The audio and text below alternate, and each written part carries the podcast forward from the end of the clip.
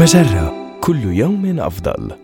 من هارفارد بزنس ريفيو أحد مواقع مجرة. إليكم النصيحة الإدارية اليوم. مهارات تساعدك على تحقيق الاستفادة من فترات الهدوء في العمل.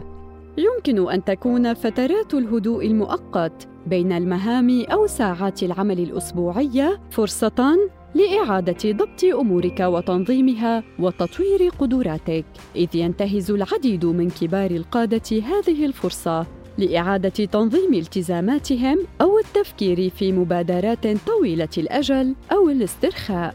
ولتحقيق أقصى استفادة من فترات الهدوء في العمل، احتفظ بقائمة مفتوحة تضم الطرق التي يمكنك من خلالها تحدي نفسك.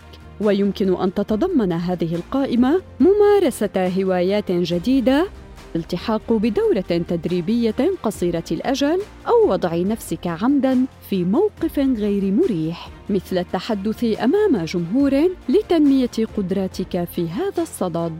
ولا تنسى أن فترات الهدوء في العمل تعد فرصة رائعة لإنجاز المهام المؤجلة وشطبها من قائمتك.